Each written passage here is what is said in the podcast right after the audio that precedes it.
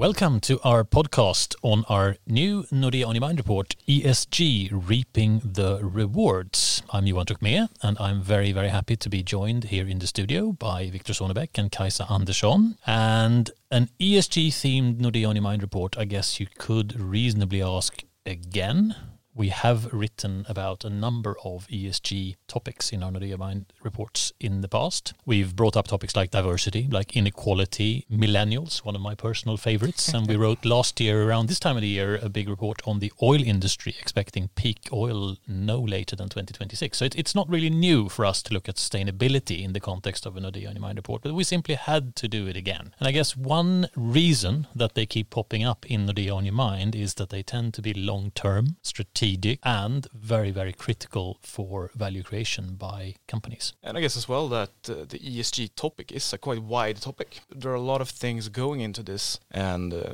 hence you can write quite a few reports. Absolutely, as, as we've done, and, and probably, I guess, will continue to do as well. Uh, looking back, as you said, a wide topic, having gone from in the early days a niche investment strategy to becoming something very mainstream and then arguably today having become a must for companies, for investors, not least for banks. We thought there was pretty strong focus on ESG already when we wrote our first ESG theme, Nordea On Your Mind, back in 2017, but actually the focus has even exploded further from what we saw at that time. And there are some pretty strong drivers. Uh, investors are, of course, adopting ESG policies in, in how they invest money in funds. We have seen, as we've looked at in earlier Your Mind reports, that costs for companies who run into ESG incidents can be enormous. So that's a very strong financial incentive to be on top of this. And there is, of course, also the regulatory dimension, where there is a tsunami of, of rules, regulations, new laws coming in, driving behavior in this direction as well. So pretty easy to understand why there is so much focus. So, so it's uh, kind of hitting the society and hitting companies from every side. Absolutely. And a lot of money is being plowed into it. Uh, we saw a survey that showed that corporates are investing massively in ESG, in ESG and, and, and that actually by 2018 they were plowing in $31 trillion annually into this. So a lot of effort on the money side going into um, being sustainable as well. So it, it all makes sense. And companies, which is the sort of core focus of our research when we write our reports, how should they think about this? They need to decide how they want to show the world that their business is, or, or if it's not already, how it will become sustainable. And, and then the natural question, of course, is okay, so if this is what you need to do, how do you do it? Yeah, we can start off with. Uh, I mean, you mentioned the corporate aspect, but uh, you also mentioned the, uh, the, the investor aspect, and of course, that's highly relevant when it comes to corporates. And this is a. I mean, every everyone needs to work together here because what we've seen developing over the past uh, past years. Um, which has grown exponentially, as you described, is that investors are focusing more on more, uh, more and more on ESG-related topics. And in order to be able to do so, they of course need to have, for example, data providers for which they can they can uh, download a data dump, for example, and, and do some kind of analysis in order to create this data set what is needed ultimately. Well it's it's the company input right? It's what the companies are doing and how they are reporting it. And what we are currently seeing is uh, is a rather remarkable development in this area. So, so, for every year that passes, this becomes more and more sophisticated with more data points, higher accuracy, and companies themselves being more willing than before to actually uh, provide information, basically. But since data in this area is so so important. It's one of the key key areas when it when it comes to actually being able to measure, being able to benchmark, and being able to to pretty much gauge how well a company is doing. The number one obstacle still remains the inconsistent data quality, as I described in terms of perhaps lacking data or perhaps. Uh, data simply being wrong, uh, or perhaps there are not being enough data when it comes to certain certain areas within ESG. Then, of course, we have the next step, which is uh, investment in technologies. So, being able to use this data, for example, in a way uh, that could benefit, for example, investors. It could be pension funds. It could be could be private investors or, or anyone else. And on that note, you, ha- you have the corporate aspect in being able to reach these investor groups for example, a dedicated ESG fund, and being able to have this wide an investor base by then providing uh, these these metrics. And then the third one that investors raise as their main concern uh, is a lack of analytical tool and skills. Uh, and I guess this is quite natural with, with an area that has seen explosive growth, that we aren't aren't in a stage yet where there is a, a surplus of talent, so to speak.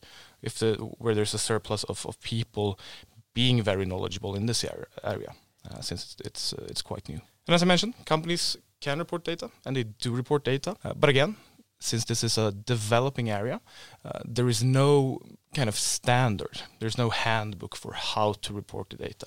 Uh, so it can differ a bit when it comes to how companies report data and what databases it uh, ends up in, etc., etc. So, so there's no kind of global standard or, or rule book for this, uh, which would make things easier. Of course, when it comes to ESG information in, in general. I mean, you have have different types of ESG services. Could be ESG ratings, for example. It could be ESG research, which uh, which is what we have done here. Uh, it could be index providers, etc., etc. So there, there, it's quite a quite a wide or quite a big playing field here, uh, with with a lot of different different players involved. And one of the areas of this report uh, actually focuses on on ESG ratings and trying to to take this concept and trying to make it as hands-on as possible. What actually is it? What, what is it when we say that we're talking about ESG ratings or ESG scores? Who are the main players, and what kind of function uh, do they have in terms of information or in terms of, of gauging a company's sustainability? And it's it, it's quite often something that companies do deal with, or if you don't deal with it uh, as of right now, you will probably have to do it in the future. It's a bit like a wild west with a number of players in a rapidly evolving area. And we've got even got players like us doing ESG research, as you said. So so clearly very much evolving. Um, although we like it very much, and it's an educational journey for us as well. But looking at ESG ratings, one of the things that you mentioned here, uh, who are the, the, the ESG rating providers? The large players in the ESG rating landscape is mainly MSCI and Sustainalytics, who we've also had interviews with in our latest Nordea on Your Mind report. But we also have ISS ESG, Vigeo Eiris, and Robeco Sam, who is now a part of Standard & Poor's. But last but not least, Nordea. So going to the two primarily players. MSCI has a rating scale from CCC to AAA and provide unsolicited ratings with a computer-driven, including AI and an analysis-based approach with an own developed materiality map. Sustainalytics, on the other hand, uses a scale from 0 to 100 and provides solicited ratings with an analysis-based approach with the materiality map SASB, as many of the other providers do. ESG risk weights also differ from provider to provider. There is no universal approach, and the demand for harmonized and transparent ESG rating assessment has been highlighted both from investors, as Victor mentioned, but also from regulators. However, we can provide some similarities between the approaches. The traditional methodology of ESG scoring can be divided into three steps. First, we have the materiality assessment. Second, we have scoring of risk management. And third, the final ESG rating. Consolidation among ESG providers has been driven by a desire to build critical data capabilities and competences to be able to afford scale in data analysis and coverage. But there is still room, and a quite large room, for ESG ratings to be refined even further and they are not the same as credit ratings. So, it, so it sounds very much like this is an area under development, where, where the providers are perhaps trying to, you know, figure their way their way forward, trying to refine their their methodologies, what they're looking at uh, generally or, or, specifically for some industries. And with that, as you mentioned, Kajsa, they're not the same as credit ratings for, because credit ratings naturally have a longer history. There's been a longer period of you know discovering what is important when it comes to measuring credit rating.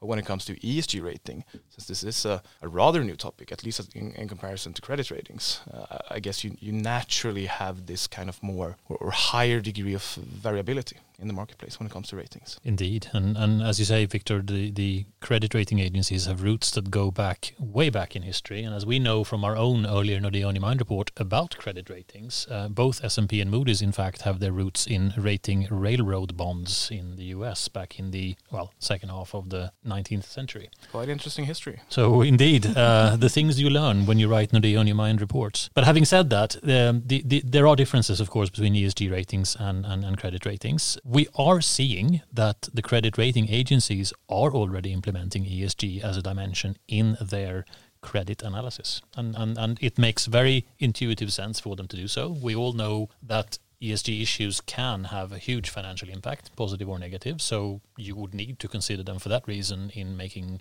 an assessment of a creditworthiness of an issuer. But in addition, there is the regulatory dimension again, where here in the EU there is now a regulatory requirement that all forms of investment advice given within the EU has to consider ESG. So yes, absolutely, the rating agencies are doing it because they have to. But ultimately, there is a difference here in that credit ratings and ESG ratings measure different things. We also know from our own earlier Nordea New report that what credit ratings are a measure of is a likelihood of an issuer, a borrower defaulting on a relative scale within that specific universe of rated issuers or borrowers. So that's a pretty narrow thing if you think about it, a very specific thing that is measured by a credit rating. Whereas in the case of ESG, it is very broad. I mean, there are so many things that fit under the heading of sustainability that naturally it becomes more fluffy. Um, so, so, so there is a very, very distinct set of things that you measure if you compare credit ratings with uh, sustainability ratings. And only time will tell to what extent we will see convergence between credit ratings and, and, and ESG ratings going forward. And I guess just to, to put some emphasis on, on what you're saying, Johan, is that even if you start implementing more and more sophisticated modeling for ESG in the credit ratings, the goal is still to provide a credit rating. So, so, so the, the whole purpose of the exercise is, is fundamentally different. Exactly. It's complementary. And even if ESG ratings are not perfect and require some effort in reporting and engaging with the rating providers, they can be a powerful marketing tool for corporates. But do companies get rewarded financially if they achieve high ESG rating scores, Victor? I have a sense that they might do. They they might do, and, and uh, just to, to, uh, spoil the fun for everyone, they, they do. so, right, so we're done then. Yeah, we're done then. Yeah, straight to the conclusion. I mean, of course, this this is kind of what we're trying to measure here here and what we've done is, is a quantitative analysis where we want to look at how do different companies perform financially? Uh, and we can talk about stock market performance, or, or, we can talk about return on investment uh, on, on, invested capital, or different type of financial metrics. And what we want to do and what we wanted to show um, is that if you are better at ESG, uh, then you perform better financially. And, and naturally, the way to do this is to use the data available in order to know what companies are actually good uh, at at ESG. So what we have used is the uh, the the MSCI uh, full universe of ESG ratings, uh, covering in our sample after filtering and, and uh, stuff like that, uh, some 10,000 companies. And then we have we have to also add, I think, 10,000 companies, but how many data points are we talking about in this analysis? Uh, hard to measure, but, but I guess a rough estimate would be above 2 million data points when it comes to studying these companies over time, looking at a wide range of data points, anything from their sales growth to their total shareholder return to to uh, balance sheet items, etc. It, it, kind of quickly grows when it comes to that many companies over such a long uh, time period. So, for anybody wondering if the analysis is comprehensive, we can just sort of repeat that 2 million or so data points is what we base all this on. Around that figure. Uh, and, and, and basically, high level conclusions from this is that almost regardless of what you look at, so, so if you look at return on capital, if you look at total shareholder return, etc., it, it's a rather perfect hierarchy in that the, the, the better you are at ESG, the better your metrics will be. So your stock price volatility is typically lower if you have a higher uh, higher ESG rating. Your return on capital is typically higher. Your total shareholder return is typically higher, etc. Uh, and something something interesting that we noted as well is that during times of, of uh, market turbulence, so, so, a market crash, for example, during the uh, the early days of 2020 and the COVID pandemic, these companies that are strong within ESG and have a high rating, uh, they typically typically tend to come out of it much better. Uh, than other companies. So so they are more resilient both operationally um, but also in the stock market. And what is interesting here is that using MSCI's uh, ratings as a basis uh, is that it, it is a sector relative measurement that they come up with in their ratings. So, so, so this is not a case of, of different sectors ending up, up in different rating uh, rating groups, etc. Uh, but, but, it's a comprehensive way of showing that you actually get a benefit from it. And what is interesting here is that we wanted to also look at, you know, of course, what is the driver behind it? Is it the ESG rating itself, or is it perhaps the uh, fundamental work uh, that a company does with ESG that boosts its its actual financials? Uh, and the answer is, is, is quite simply that the main focus for a company sh- should never be to just simply try to optimize their ESG rating for the sake of it. But the actual value driver when it comes to working with ESG is the work that you do in your company. Whether or not you show it, what we can see in our data is that it typically leads to to uh, stronger operational metrics, simply put. But in that, how do you show you're good at ESG? And to answer that, well, ESG ratings is a quite quite natural and quite perfect way uh, way of showing it. And we also included uh, in our analysis looking at do the actual ratings have an influence on, for example, total shareholder return. Um, so we looked at if you have been upgraded or if you ha- have had your rating downgraded, has this affected how you perform in the stock market? And the answer is yes. So the ratings themselves, they do have some power over how you perform in the market, but only modestly so. So, so it's, it's more the underlying actual work uh, with ESG.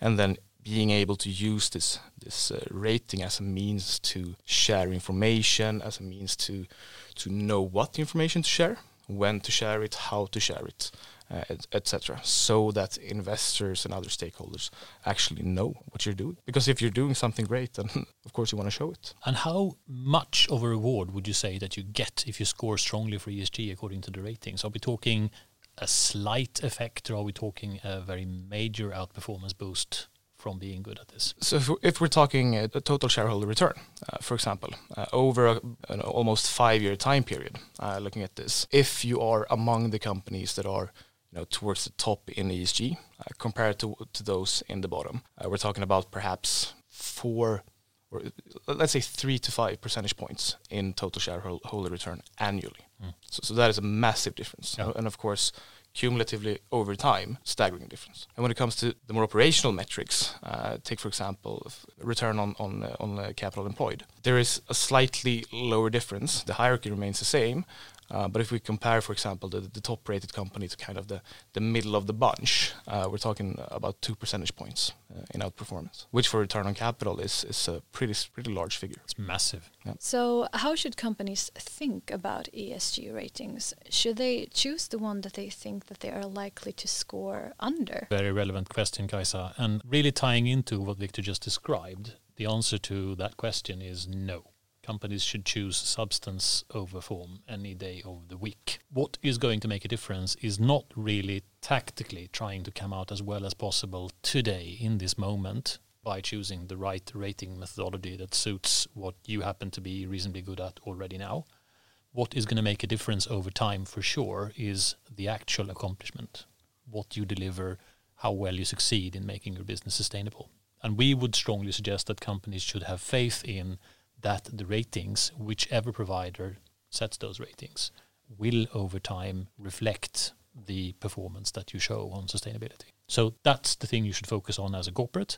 Having said that, this is a complex matter because obviously it is a new field. It is rapidly evolving. There is a plethora of different providers with different services, and the rating methodologies, as you've described, Kajsa, they, they differ.